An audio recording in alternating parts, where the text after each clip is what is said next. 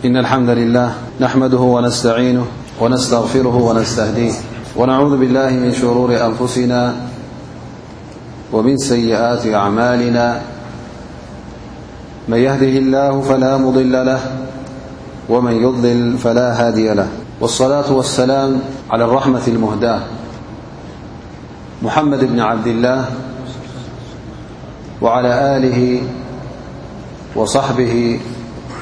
ومن اقتفى أثره واتبع هداه إلى يوم الدين وبعد خبركم أوات السلام عليكم ورحمة الله وبركاته لوم إن شاء الله تعالى آي م لعسران سلسا سورة التوبة جمرنا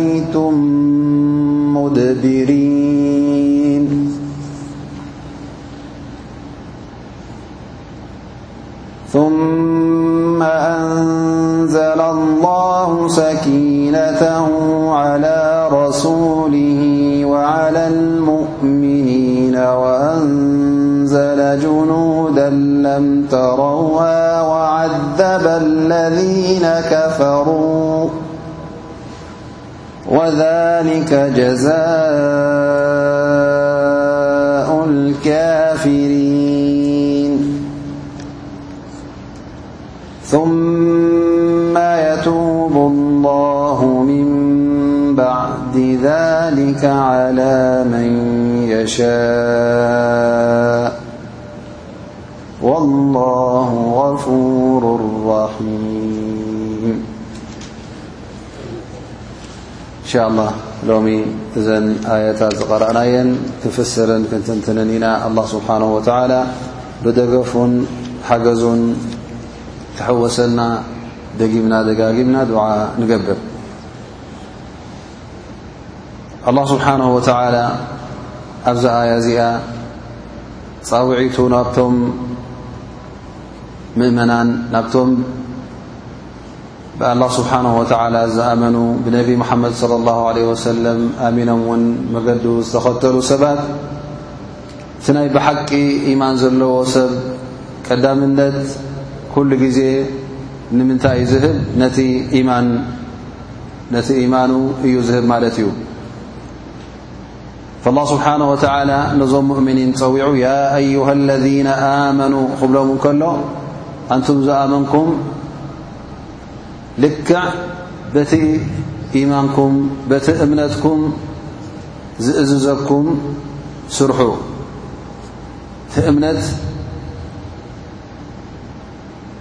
ናብ ምንታይ እዩ ዝጽውዓኩም ዘሎ እዚ እምነት እዚ ናብቶም ነቶም ከማኹም ዝኣመሰሉ ናብቶም ከማኹም ሙእምኒን ናብኦም ክትለግቡን ምስኦም ክትተሓባበሩን ንዕኦም ከተፍቅሩን ንዕኦም ቀዳምነት ጌርኩም ክትሪኡን እዩ ኣላ ስብሓ እዚ እቲ እምነት እዚ ዝእዝዘኩም ስለዚ በዚ እምነት እዚ እንተ ደኣ ናይ ብሓቂ ትምርሑ ኮይንኩም ነቶም ኣንጻር ኣላህ ስብሓንሁ ወተዓላ ዝኾኑ ነቶም ኣንጻር እምነትኩም ዝኾኑ ንዕኦም ፈጺምኩም ከም ተደጋገፍትን ከም ፍትዋትን ቅሩባትን ጌርኩም ከተቕርብዎም የብልኩምን ወላ እውን እዞም ሰባት እዚኦም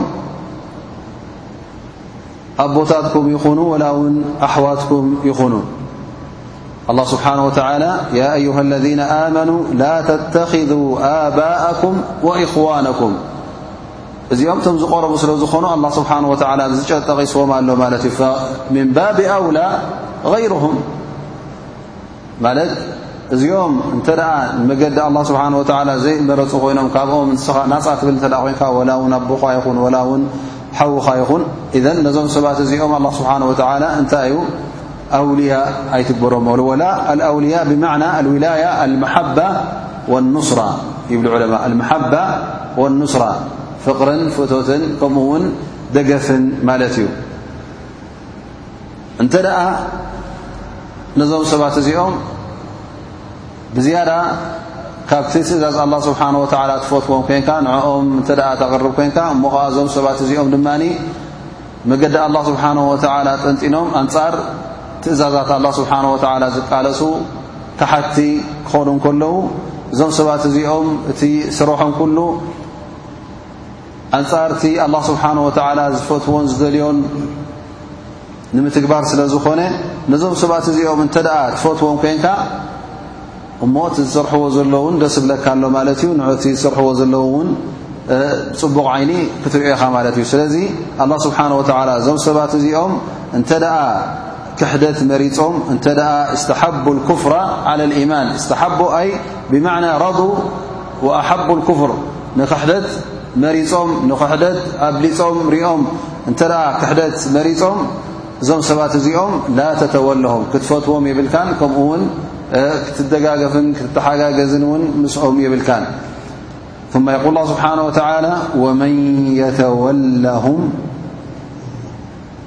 ምንኩም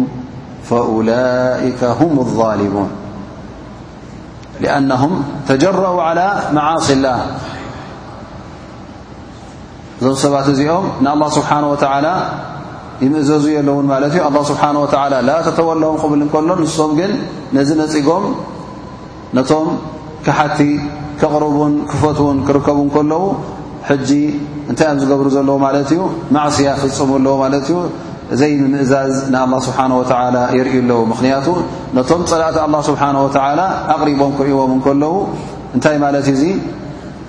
ፍቕሪ ኣላ ስብሓን ወተዓላ ደረጃ ናቱ ካብቲ ፍቕሪ ናይቶም ኣቦታቶምን ኣዝማዶምን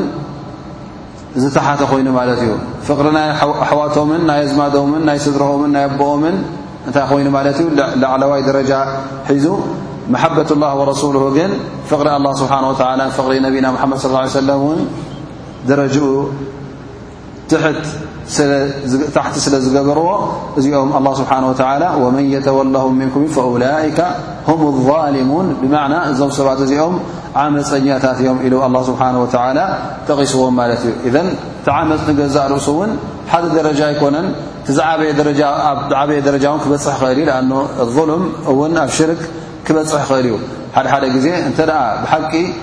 ኣላ ስብሓን ወተዓላ ካለብኻ እክላስ ኩሉ ግዜ ምስ መን ይኽህልወካ ዘለዎ ንሓደ ጎይታ ንሓደ ኣላ ስብሓን ወተዓላ ጥራይ ኢኻ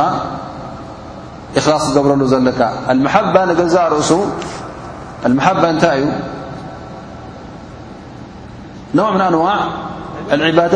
እዩ عبادة قلبية النبي صلى الله عليه وسلم حلز سيدنا عمر رضي الله عنه بحنسخدنرم ب حزمم خدنير ال روى الإمام أحمد عن زهرة بن معبد عن جده -قال كنا مع رسول الله صلى الله عليه وسلم وهو آخذ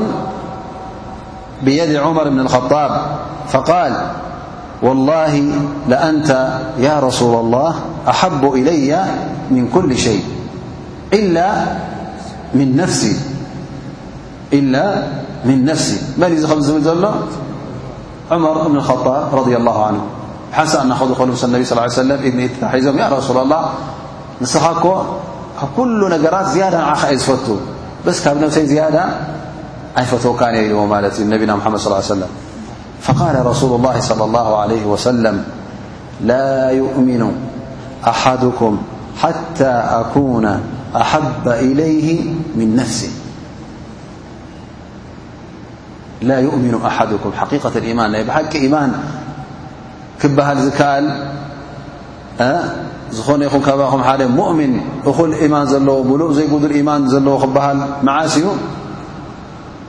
እንተ ደኣ ኣነ ካብ ነፍሱ ዝያዳ ፍቱው ኮይነ ካብ ነፍሱ ዝያዳ ንዓይ ዝፈቱ እንተ ደኣ ኮይኑ ኢሎም እነቢ صለ ላሁ ለ ወሰለም ተዛሪቦም ማለት እዩ ፈቃል ዑመር ፈኣንተ ልኣና ወላሂ ያ ረሱላ ላህ ኣሓቡ ኢለያ ምን ነፍሲ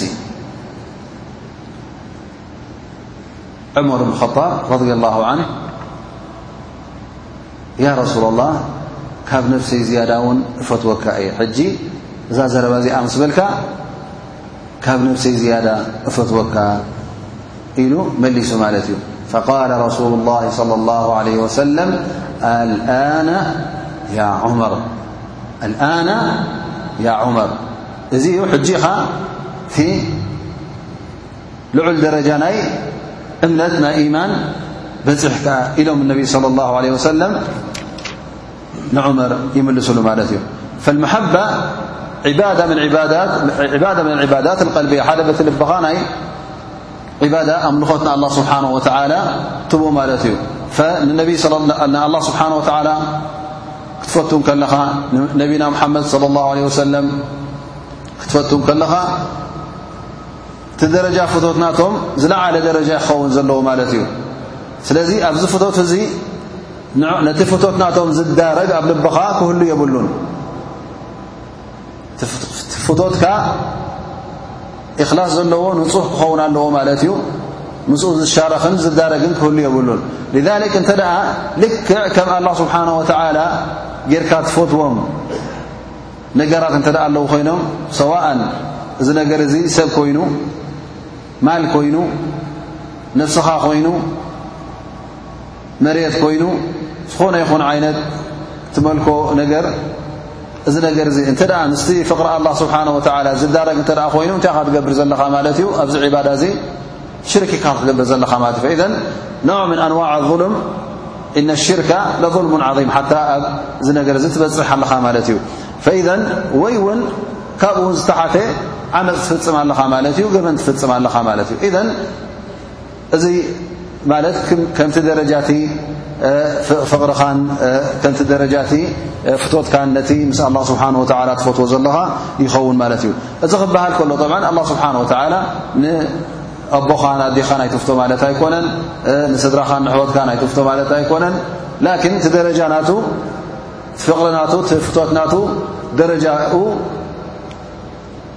ልዕሊ ፍቕሪ ኣላ ስብሓን ወተዓላን ፍቶት ኣላህን ፍቶት ነቢና ሙሓመድን ፍቶት ትእዛዛት ኣላህን ትእዛዛት ነቢና ሙሓመድን ለ ላ ለ ወሰለም ክኸውን ኣይፍቀድን እዩ ላ ስብሓን ወተላ ኣብዚ ሕጂ እንታይ ዘርእየና ዘሎ እኑ መሓበት ላ ስብሓን ወተላ ወመሓበት ረሱሊ ልዕሊ ኩሉ ክኸውን ኣለዎ ማለት እዩ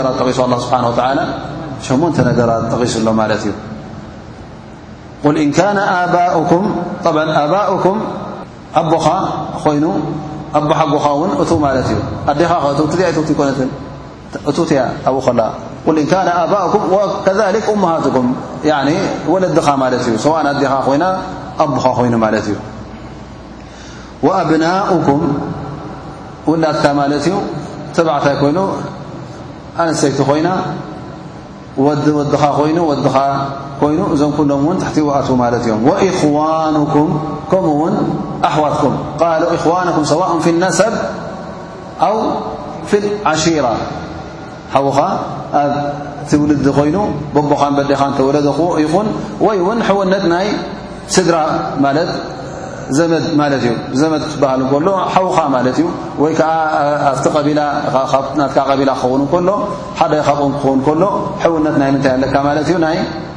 ቀቢላ ኣለካ ማለት እዩ ወይ እውን ሕውነት ናይ ዓዲ ናይ ሃገር ክኸውን እውን ይኽእል ማለት እዩ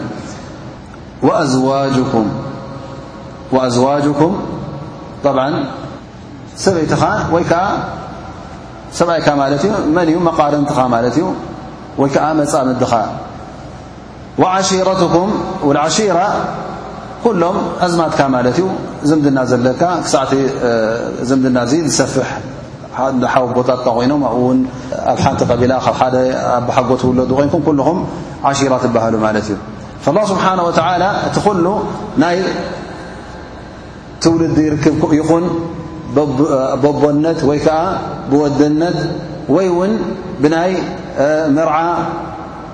ርክብ ዘሎ ይኹን ወይ ውን ብሰፊሑ ውን ናይ ብደረጃ ናይ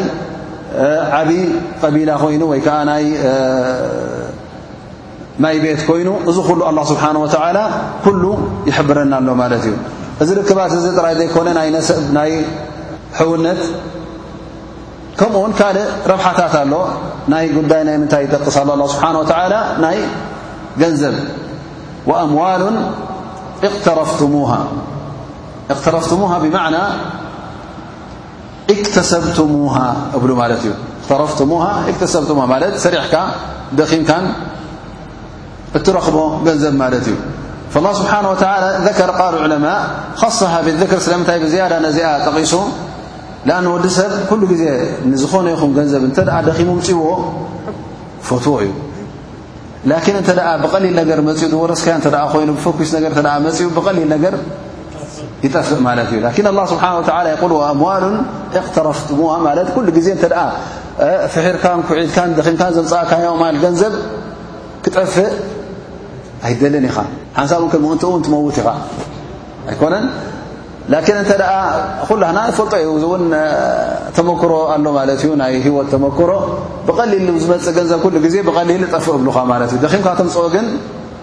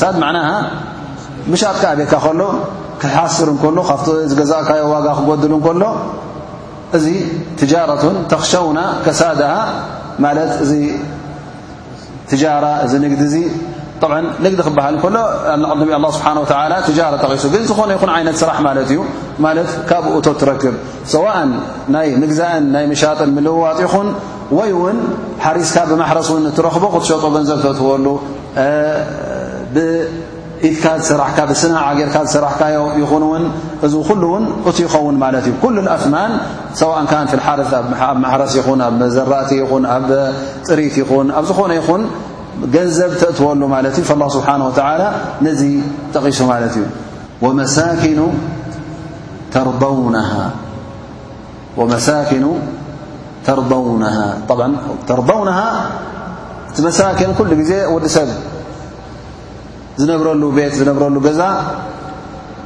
እንተ ደኣ ጽቡቕን ምልክዑን ብልጭልጭ ዝብል እንተ ደኣ ኮይኑ ብዝያዳ ይፈትዎ ማለት እዩ ግን እንተ ደኣ እታ ዘላቶ ገዛ ንገዛ ርእሳ በቲ ንፋስ ዝኣትዋ ቁሪ ዝኣትዋ በቲ ፀሓይ ዝኣትዋ ማይ ተወቕዐ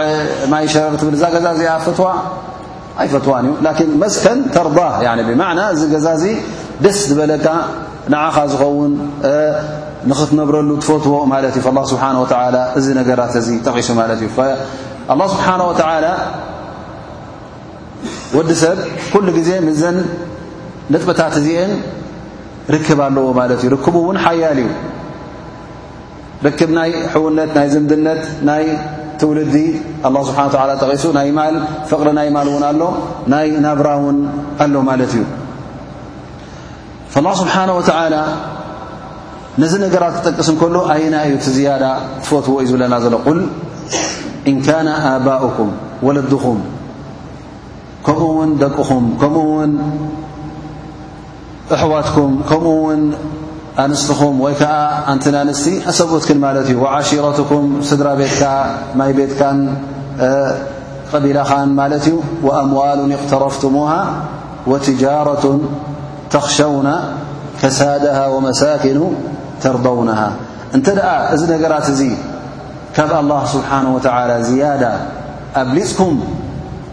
ትርእይዎን ትፈትዎን ትደልይዎን እንተ ደኣ ዄንኩም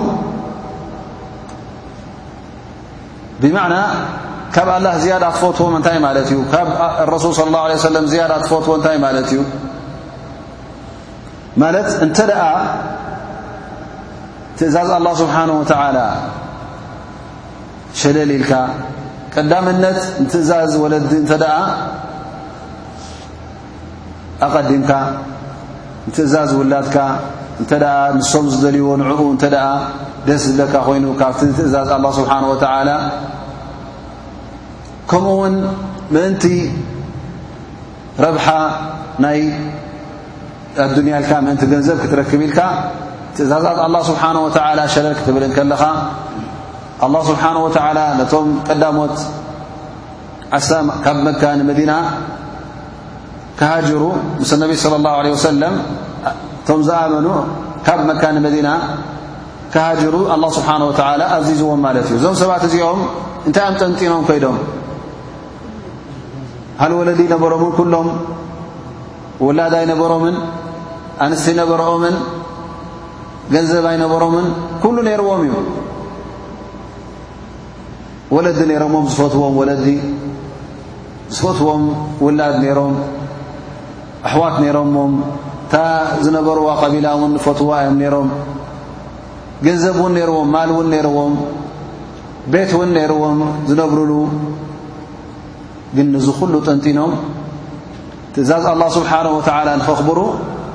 ካብ መካ ናበይ ከይዶም ንመዲና ሃጂሮም ንመዲና ፈሊሶም ማለት እዩ እዘን እዚ እንታይ እዩ ዘርእየና ዘሎ እንታይ እዮም ገይሮም እዚኦም ሕጂ ቀዳምነት ንመን ሂቦሞ ልላ ወረሱሊ ትእዛዝ ኣላ ስብሓን ወተላ ትእዛዝ ነቢና ሙሓመድ ለ ላሁ ለ ወሰለም ኣኽቢሮም ማለት እዩ እዘ ኣያ እዚኣ እንታይ እያ ተርእየና ዘላ መሓበት ላ ስብሓን ወተላ ከምኡውን መሓበት ነቢ صለ ላه ለ ወሰለም ዋጅብ ከም ምዃኑ ፈርዲ እዩ ግዴታ እዩ ቀሊል ነገር ኣይኮነን ንኡ ድማ ነዚ መሓባ ዚ ነዚ ፍቕሪ እዙ ኣቐዲምና ክንሪኦ ኣለና ማለት እዩ እንተ ደኣ ዘይገበርና እውን መቕፃዕቲ ከም ዘሎ እዩ ዘረድእና ዘሎ ኣን ላ ስብሓን ወተላ የቁል ፈተረበሱ ኣይ እንተظሩ ማ የሕሉ ብኩም ምና ልዕቃቢ ወልዓዛብ ስቓይን መቕፃዕትን ዝወርደኩም ተፀበዩ እንተ ደኣ ንትእዛዝ ኣላ ስብሓን ወተዓላ ኣብ ዝባንኩም ደርቢኹም እቲ ናይ ኣዱንያ ረብሓን ናይ ኣዱንያ ፍቶትን ናይ ኣሕዋት ናይ ስድራ ፍቶትን ንዕኡ ኣቐዲምኩም እንተ ደኣ ትርእዩ ኮንኩም እዩ ዝብለና ዘሎ ኣላ ስብሓን ወተዓላ ፈኢዘን እንተ እዚ ተጠቐሰ ነገራት ንዑ እተ ኣቐዲምካ ካብ ኣላ ዝያዳ እተ ፈቲ ካብ ትእዛዝ ኣላ ስብሓን ወላ ዝያዳ ካብ ትእዛዝ ነቢና ሙሓመድ ለ ላ ሰለም ብዝያዳ ካብቲ ጅሃድ ፊ ሰብልላ ዝበሃል እውን ሊላ ኢልካ ነፍስኻን ማልካን ምእንቲ ኣላ ስብሓን ወላ ንኸተጥፍ ኢልካ ቅሩብ ክትከውን ከለኻ እንተ ካብዚ ዝያዳ እተ ርኢኻዮ ነቲ እንታይ ካ ትገብር ዘለኻ ማለት እዩ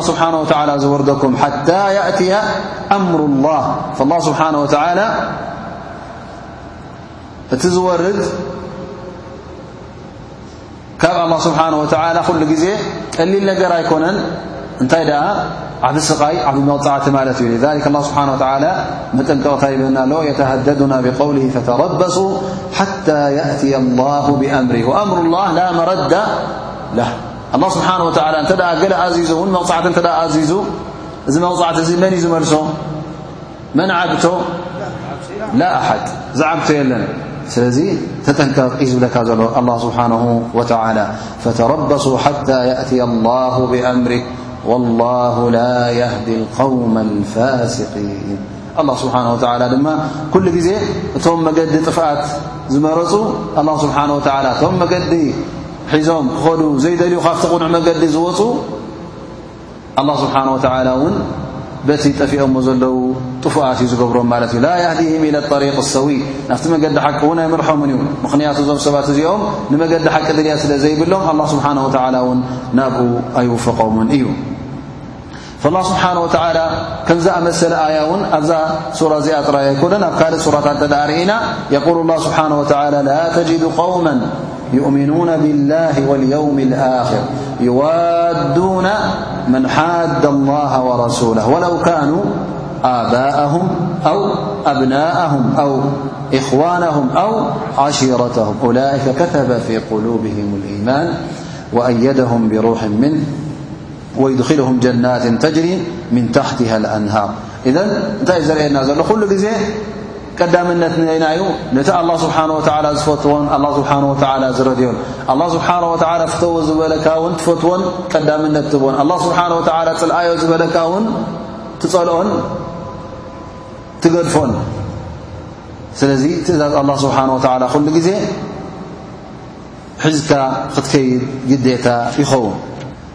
ማ የቁል ስብሓ ላ لقد نصركم الله في مواطن كثيرة ويوم حنين إذ أعجبتكم كثرتكم فلم تغني عنكم شيئا وضاقت عليكم الأرض بما رحبت ثم وليتم مدبرين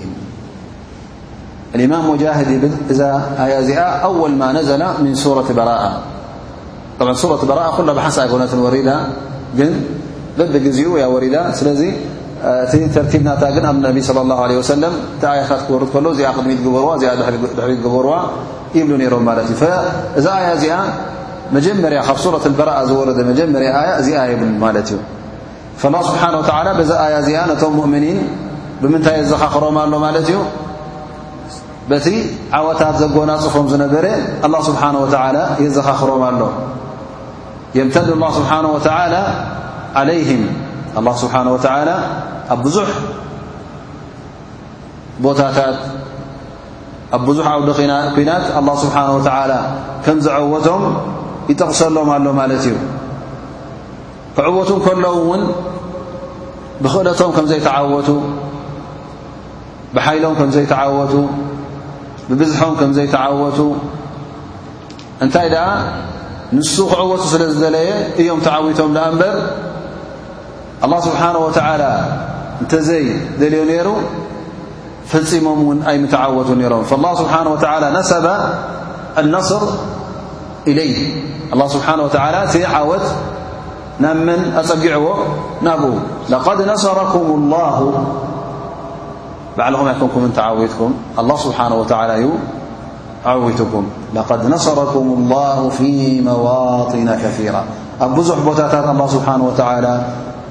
ዓወታት ኣጎናጺፉኩም እዩ። ስለዚ እዚ ዝርሳዕ ኣይኮነን ንኩልኹም እውን ርኢኹሞ ኢኹም። ብዝያዳ ድማ ኣላ ስብሓን ወተዓላ በይነይቲ የዘኻኽሮም ኣሎ ማለት እዩ እቲ ዓወት ብሓቂ ኣብ ኢድ ኣላ ስብሓን ወተዓላ ከም ምዃኑ ብዝያዳ ተረኣየ እውን እንተ ደኣ ደሊኹም ኣበይ እዩ ተረእዩ ኣብ ሑነይን ወየውማ ሑነይን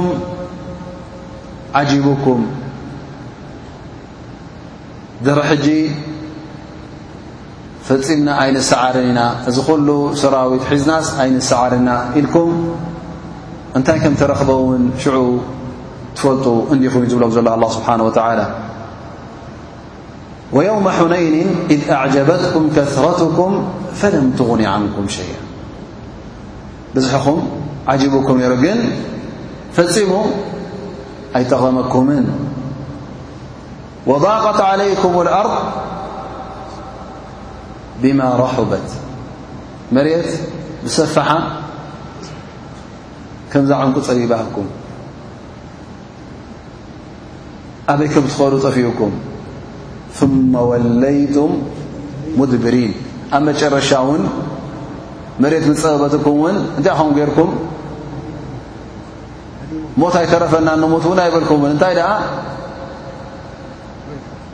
እቲ ዝኸፍአ ኣብ ሰራዊት ክር ዝርከብ እንታይ ኩሉ ግዜ ምህዳም እዩ ፀላኢኻ ዝባንካ ሂብካዮ ክትሃድም ከለካ ኣላ ስብሓን ወላ ኣብዚ እውን ثመ ወለይቱም ሙድብሪን ክብሎም እንከሎ ዝባንኩም ሕቖኹም ንፀላኢኹም ሂብኩም ከዓ ሃዲምኩም ይብሎም ኣሎ ኣላ ስብሓን ወተዓላ غዝወት ሑነይን ድሕሪ ነቢ ስለ ላ ለ ሰለም መካ ምስ ተቖጻጸርዋ ፈትሒ መካ ምስ ተገበረ ማለት ኣብ ሻምናይ ዓመት ኣብ ሮሞዳን እዩ ነይሩ ሻምናይ ዓመት ናይ ህጅራ መካ ሒዞማ ማለት እዩ ብድሕሪኡ ኣብ ሸዋል እዛ ኩናት እዚኣ ተረኺባ ከመይ ተረኺባ እዚኣ ነቢ صለ ላه ለ ወሰለም ኣብ መካ ከለዉ ገና እንታይ ይሰምዑ ሃዋዘን ዝበሃሉ ቀቢላ ኣብ ጣይፍ ዝርከቡ ማለት እዩ ክተኣኻኸቡ ጀሚሮም ማለት እዩ ምኽንያቱ ነቢ ስ ሰለም ንመካ ሒዞማ ንመካ ምስ ተቆፃፀርዋ ኣብ መንጎ መካን ኣብ መንጎ ጣይፍን ሕጂ ጥቓን ጥቓን እዩ ዳርጋ ርሕቀት የለን እሞ እሶም ሕጂ ምናልባሽ ናባና ክመፅእ ዝብል ሓሳብ ኣለዎም ግዲ ኮይኑ እንታይ ክገብሩ ጀሚሩ እንታይ ኢሎም ሕጂ ነቢ ስለ ላሁ ለ ሰለም ከጥቅዑ ክተኣኻኸቡ ጀሚሮም ማለት እዩ ሃዋዘን ንእቲ መራሒኦም ማሊክ ብን ዖፍ ዝበሃል ነይሩ ንሱ ሒዝዎም ከምኡ ውን ሰቒፍ ትበሃል ካልይቲ ቀቢላ ኣብ ጣይፍ ትርከብ ማለት እዩ ከምኡ ካ ቀቢላታት በኑ ጁሸም በኑ ሰዓድ ገለ ዝበሃሉ ብዙሓት ተኣኻኺቦም ማለት እዩ ንነቢ ስለ ላሁ ለ ሰለም ክዋግእዎም ተበጊሶም እዞም ሰባት እዚኦም እቲ ኲናት ውን ሓንቲኣ ንኽትከውን ወይ ንሶም ንኽጠፍኡ ወይ ከዓ ንሰራዊት ነብና ሓመድ ስ ሰለም ንኸጥፍ ይተይ ሓሳብ ነይሩ እዞም ሰባት እዚኦም እንታይ ገይሮም ንበይኖም ኣይወፁን ሰራዊት ጥራይ ንበይኑ ኣይወፀን ንኽዋጋ እንታይ ደኣ ኩሎም ኣንስቶም ደቆም ጥሪቶም ኩሉ ሒዞሞ ናበይ መፅኦም ማለት እዩ ንዓውዲ ኲናት መፅኦም ምኽንያቱ ኸላስ እቲ ዝዋጋእ ዘሎ ሰራዊት ኩሉ ንብረቱ ምስኡ እዩ ዘሎ እሞ እንተ ደኣ ገለ ተረኺባ ድምለሶ ቦታ የብሉን ድምለሶ ቦታ የብሉን እዘ እንታይ እዮም ክዓፅቡ ደልዮም ሕጂ ናይ ምህዳን ዝበሃል ናይ እንስሓብ ዝበሃል ነዚ ነገር እዚ ምእንቲ ክዕጾ ኩሉ ንብረቶም ሒዞም መጺኦም እንተ ደኣ ተወቒዖም ኸላስ ንብረቶም ኩሉ ክውሰድ ማለት እዩ ወይ ከዓ ክስዕሩ ኣለዎም ማለት እዩ እዚ ተሓሳብ ነይሩ ማለት እዩ ተኣኪቦም ሕጂ ዳርጋ እቲ ሰራዊት ኣርባዕተ ሽሕ ዝኸውን እዩ ነይሩ ሰራዊት ኣርባዕተ ሽሕ ደቆምን ኣንስቶምን ገነታት ከዓ ሽዱሽተ ሽሕ ዝኾኑ ነይሮም ማለት እዩ ግን እቲ ዝዋጋ ሰራዊት ኣርባዕተ ሽሕ እዩ ነይሩ እዚኦም መን እዮም እቶም ሙሽርኪን እነቢ صለ ላه ለ ወሰለም ንመካ ክሕዙ ክመፁ ከሎ ቆፃፀሩ ክንደ እዮም ነሮም ዓሸራ ኣላፍ እዮም ነሮም ንመካ ምስ ሓዘዋ ድማ ካብኡ ገለ ዘመስለሙ ክንደይ ሽሕ መፅኦም ምስኦም ክልተ ሽሕ ክንደይ ኮይኖም ዓሰርተ ክልተ ሽሕ ኮይኖም ማለት እዩ ቅድሚ ሕጂ እቲ ኩናት ዝካየድ ነበረ እንታይ እዩ ሙሽርኪን ዝበዝሑ ነሮም እቶም ኣስላም ከኣ ኩሉ ግዜ ውሕዳት እዮም ነይሮም ግን ኣብዛ ኩናት እዚኣ ሕጂ እንታይ ኮይኑ ዓደድ ሙስልሚን ቁፅሪ ናይቶም ሙስልሚን ብዙሕ ኮይኑ ማለት እዩ ቁፅሪ ናይቶም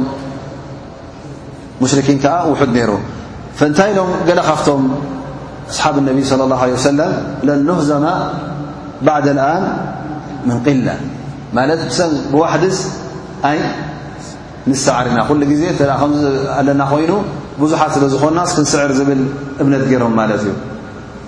ፈነቢ صለ ላه ለ ወሰለም ነዚ ሰራዊት እዚ 12 ሽ ዝኸውን ሰራዊት ሒዙ ናበይ ኸይድ ማለት እዩ ንጣይፍ ገፁ ይኸይድ ኣበይ ይራኸቡ ዞም ክልተ ሰራዊት ወይ ከዓ እቲኦም እውን ኣበይ ዓስኪሮም ነይሮም ኣብ ሑነይን ዝበሃል ቦታ ሽንጭሮ ኮይኑ ወይ ከዓ ሩባ ክንብሎ ንኽእል ገፊሕ ሩባ ሕጂ እንታይ ገይሮም ቶም ሙሽኪን ዓሪዶም ጸኒሖም ማለት እዩ ኣብ ምንታይ ኣብቲ ቁልቁል ዓሪዶም ጸኒሖም ማለት እዩ ማለት ሰራዊት እናወረዶ ከሉ ንቁልቁል ገጹ ንኸሃርምዎ ምኽንያቱ እንተ ደኣ ንቁልቁል ትወረዳ ኣለኻ ኮንካ ንገዛእ እስኻ ደፋእፋ እናበልካ ኢኻ ትኸይድ ዘለኻ ማለት እዩ እቲ ምሳኻ ዘሎ ውን እንስሳ ኮይኑ ፈረስ ኮይኑ ገመል ኮይኑ እውን ክጎይ እውን ኣይክእልን እዩ ማለት እዩ ስለዚ እንታይ ገይሮም ኣብቲ ገማግም ኣብቲ ጸድፊ ኣብኡ ዓሪዶም ጸኒሖም ማለት እዩ መጀመርያ ቶም ኣስሓብ ነቢ ነቢ ስ ሰለም ምስቶም ፆቶም መፅኦም ክወርዱ ከለዉ ዝቕልቁል እዙ ሽዑ ሃጂሞሞም ማለት እዩ ኣብዚ ሰዓት እዚ ዘይሓሰብዎ ኩናት ስለ ተኸሰተ ቶም ምስ ነቢ ለ ላ ለ ወሰለም ዝነበሩ ክከላኸሉ ይከኣሉን ኣብዚ ሰዓት እዚ ኩሎም ሃዲሞም ማለት እዩ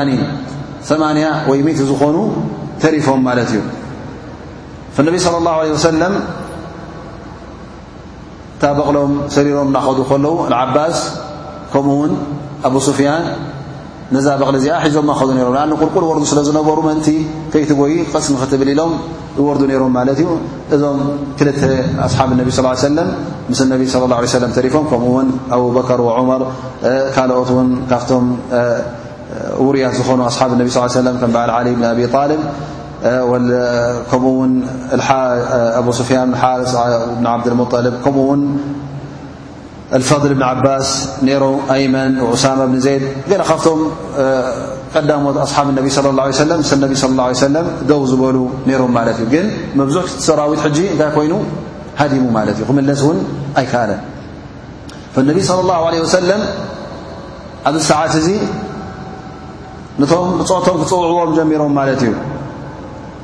ኢለያ ባድ ላ ኢለያ ዕባድ ላህ ኢለያ ኣና ረሱሉ ላህ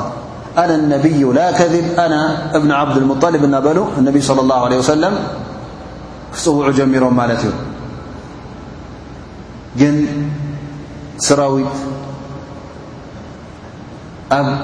ፋሕ ብትን ኣትዎ ማለት እዩ ፈነብይ صለ ላه ለ ሰለም ንልዓባስ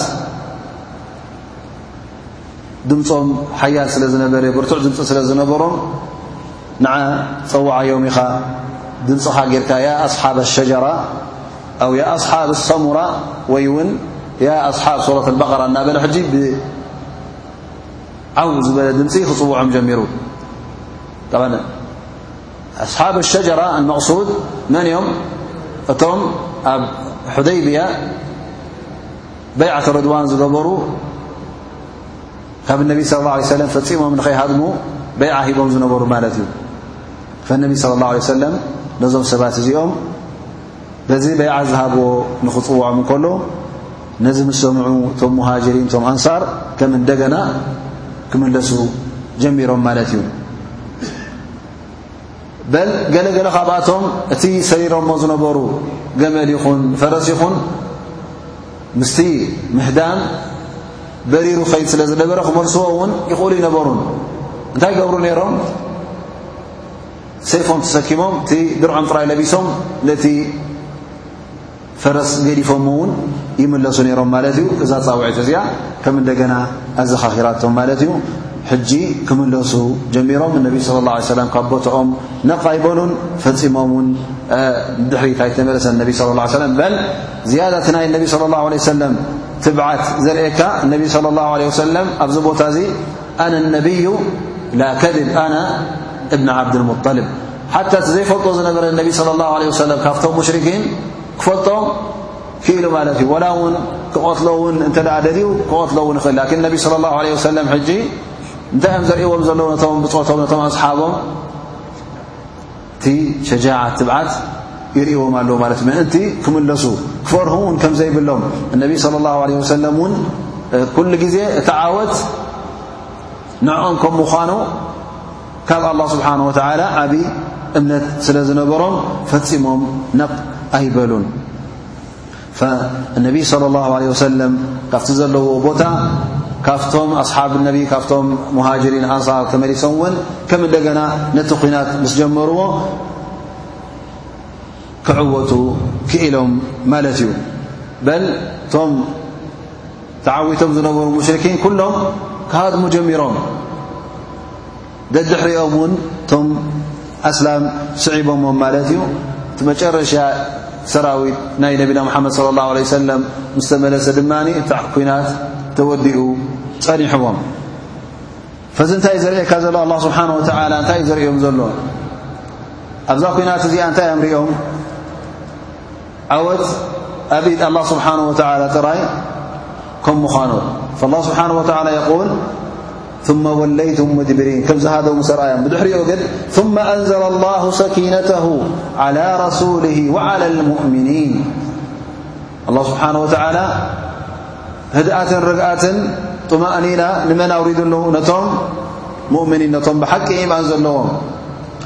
وኣንዘለ ጅኑዳ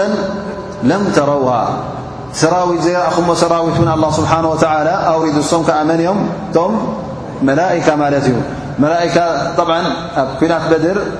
ተኻፊሎም እዮም ማለት ብታል ተኻፊሎም እዮም ኣብ ካልእ ኩናት ግን ከም በዓል ሑኔን እንታይ እቲ ናቶም ምክፋል ነይሩ ይብሉ ነቶም ሙእምኒን ቀጥ ኣቢሎም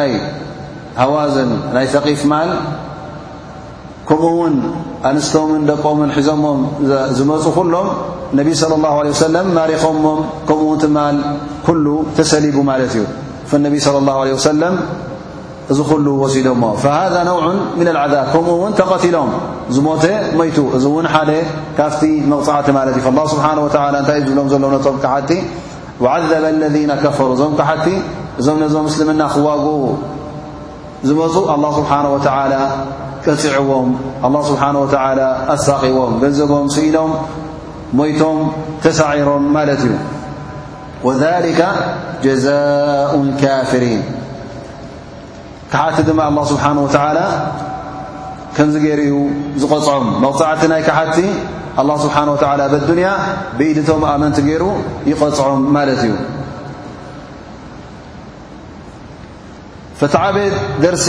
ዝውሰድ ካብዛ ኣያ እዚኣ እንታይ እዩ ኣላ ስብሓን ወተላ እንታይ እዩ ዝብሎም ዘሎ እቲ ዓወት ኩሉ ግዜ ካብ ረቢ ካብ ኣላ ስብሓን ወተላ እዩ ስለዚ ፈፂምኩም ናብ ዝኾነ ይኹን ናይ ኣዱንያ ነገር ክትፅግዑ የብልኩምን ናይ ብዝሒ ኮይኑ ናይ ብዝሒ ሰራዊት ኮይኑ ወይ እውን ክእለት ኮይኑ ወይ እውን ሕዝኩሞ ዘለኹም ብረት ንዋት እዚ ኹሉ ወሳኒ ኣይኮነን እነማ እቲ ወሳኒ እንታይ እዩ ኣላ ስብሓን ወተላ ጥራይ እዩ ዝውስን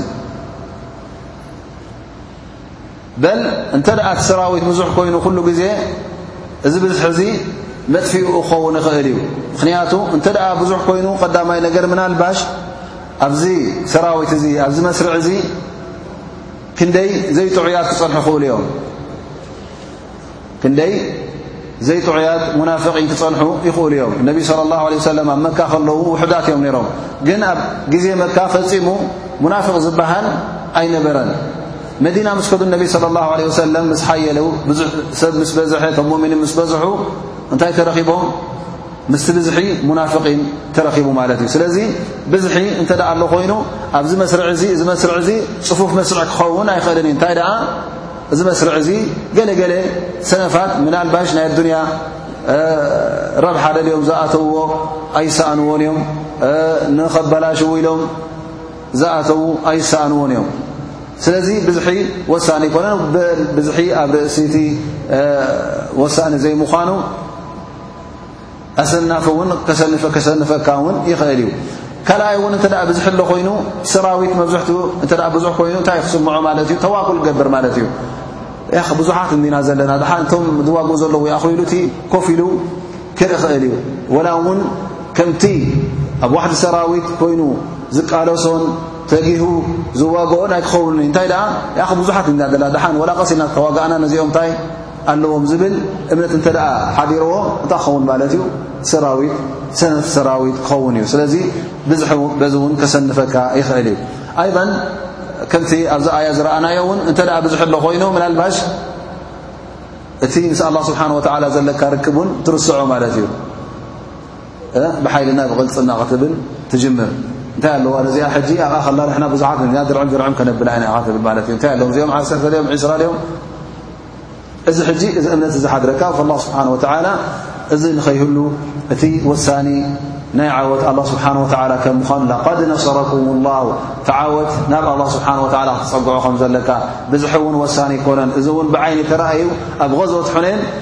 ብዙሓት ነርኩም ሰለስተ ዕፅፊ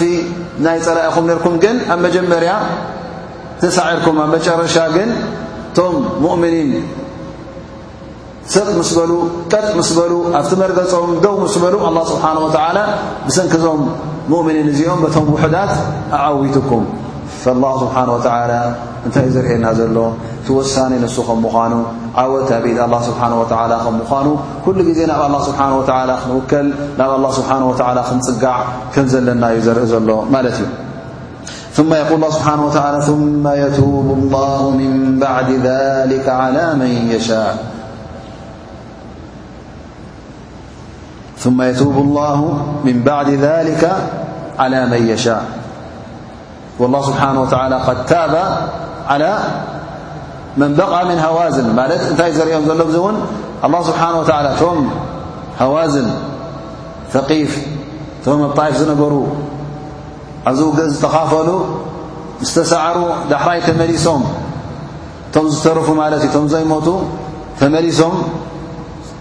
ናብ እስልምና ምስ ኣተዉ ኣላ ስብሓን ወተዓላ እቲ ቶባ ዝበልዎ ተቐቢልሎም ማለት እዩ ምስ ኣስለሙ ናብ እነቢ ስለ ላሁ ለ ወሰለም ከይዶም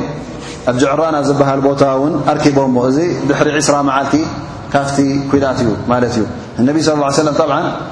ኩሉ እቲ ንብረት ስለ ዝሰለቦ ምሩኻቶም እሱራት ሒዙ እነቢ صለ ላه ለ ወሰለም ተበጊሱ ማለት እዩ ኣብ ጅዕራና ዝበሃል ቦታ መፅኦም የርክብዎ ማለት እዩ ያ ረሱሉ ላ ንሕና ኣመስሊምና ኢና ኣብቲ ዲንካ ኣቲና ኢና ይብሉ ማለት እዩ ፈነቢ صለ ላሁ ለ ወሰለም ኣምሪፅዎም ማለት እዩ ኩሉ ኣይበኩምን ኢልዎም ግን ሓዲኡ ምረፁ ወይ ማልኩም ገንዘኹኩም ክበኩም ወይ ውን እቶም እሱራትኩም ክመልሰልኩም ኣንስትኹም ደቅኹም ካልኦት ዘለዉ ቶም እሱራት ክምሕረኩም ሓዲኦም ምረፁ ኢልዎም ማለት እዩ ፈንመን መሪፆም ነቶም እሱራት ተወሰዱ ደቆምን ኣንስቶምን ዝነበረ ሽዱሽተ ሽሕ ዝኾኑ ንዕኦም ምለሰልና ኢሎሞ ነቢ ስለ ላሁ ለ ወሰለም መሊስውሎም ማለት እዩ በል ነቢ صለ ላሁ ለ ወሰለም ሓታ እቲ ዝወሰዶ እውን ኣመስሊምና ምስ በሉ ንመን ይሂብዎ ሃል ነቢ ስለ ላ ሰለም ምሕዝዎ ኮይዱ ንዑ በል ነቶም ጡለቃእ ዝበሃሉ ማልክ እብኒ ዖፍ እነድሪ ንገዛእ ርእሱ እዚ ምንታይ እዩ ነሩ ሓላፊ ናይ መን ነይሩ ናይ ሃዋዝን መራሕ ናይ ሃዋዝን ነይሩ ናብቲ ነቲ ኩናት ትመርሕ ዝነበረ እዩ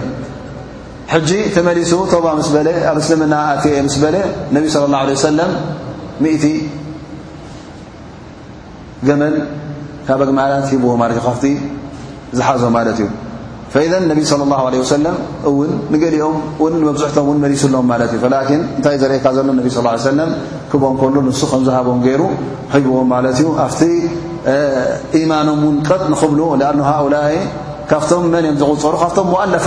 ቁሉብ እዮም ገና እስልምና ሓዱሽ እዩ ዘሎ ናብኦም ማለት እዩ ምናልባሽ ሕጂ ክኣትዉ ከለዉ እውን ብፍርሂ ኣትዮም መኾኑ ማሎም ንኽምለሰሎም ገንዘቦም ንኽመለሰሎም ይኸውን ነቢ ስለ ላሁ ለ ወሰለም እዞም ሰባት እዚኦም ኣብቲ ኢማኖም ቀጥ ንኽብሉ ድማ ካነ የተኣለፍሁም በዚ ህያባት እዚ እናሃበ እነቢ ስለ ላሁ ለ ወሰለም የቕርበሎም ነይሩ ማለት እዩ እዚ እውን ነዚ ምስ ገበረሉ ማልክ እብን ዖፍ ግጥሚ ገጢሙ ማለት እዩ ንመን ንነቢ صለ ላه ለ ሰለም ዝውድስ ማለት እዩ ማ እን ረኣይተ ወላ ሰሚዕተ ብምሊ ፊ ናስ ኩልህም ብምሊ ሙሓመድ እናበለ ማለት ተረእዩ ተሰሚዑ ኣይፈልጥ ኣብ ኩሉ ህዝቢ ዓለም ከም ነቢ ሙሓመድ ለ ላه ለ ሰለም ትብል ግጥሚ ገጢሙ ተዛሪቡ ማለት እዩ ፈኢዘን እዞም ሰባት እዚኦም ተባ ምስ በሉ ኣላ ስብሓን ወተዓላ ን ኩሉ ግዜ ባብ ተውባ ክፉት እዩ እቶም ሙሽርኪን ዝነበሩ ክሓቲ ዝነበሩ በደለኛታት ዝነበሩ ተባ እንተ ደ ኢሎም ኣላ ስብሓን ወተዓላ የቱቡ ዓለይህም መገዲ ተባ እውን ኣይዓፅወሎምን እዩ ኣብ ክሕደት ኢኹም ነርኩም ኣብ ጥፍኣት ኢኹም ነርኩም ሙሽርኪን ኢኹም ስለዚ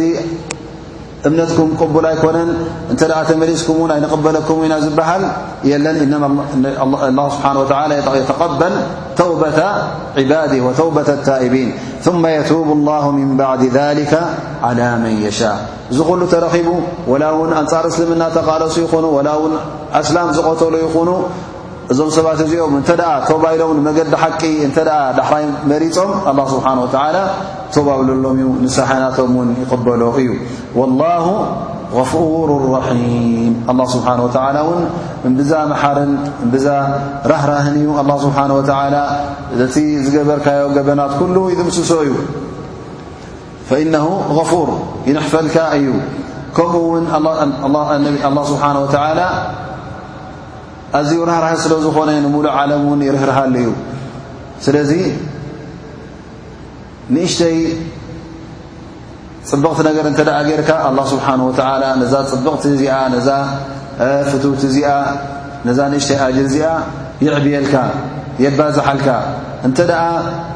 ዝገበርካዮ ገበን ኣሎ ኮይኑ ኸዓ ኣላ ስብሓን ወተዓላ እንተ ደኣ ምሕረቱ ሓቲትካ ውን እንተ ደኣ ንመገዲ ሓቂ ተመሊስካ ውን ኣላ ስብሓን ወተዓላ ነዛ ጌጋ እዚኣ ነዛ ገበን እዚኣ ይምሕረካ እዩ ካብቲ ዝገበርካዮ ገበን እውን ነዚ ገበን እዚ ደራሪቡ ኣይውስኾን እዩ ኣላህ ስብሓን ወተዓላ ራሒሙን ብዕባድ ንባረቱ እምብዛ ራህራህ ስለ ዝኾነ ፈፂሙ ንባረቱ ኣይዕምፆምን እዩ እንታይ ደኣ እንተ ደኣ ተጋግዮም ቶባ ኢሎም ቶባኦም ይቕበለሎም እንተ ደኣ ሰናይ ገይሮም ድማ እዚ ሰናይ እዙ ይቕበለሎም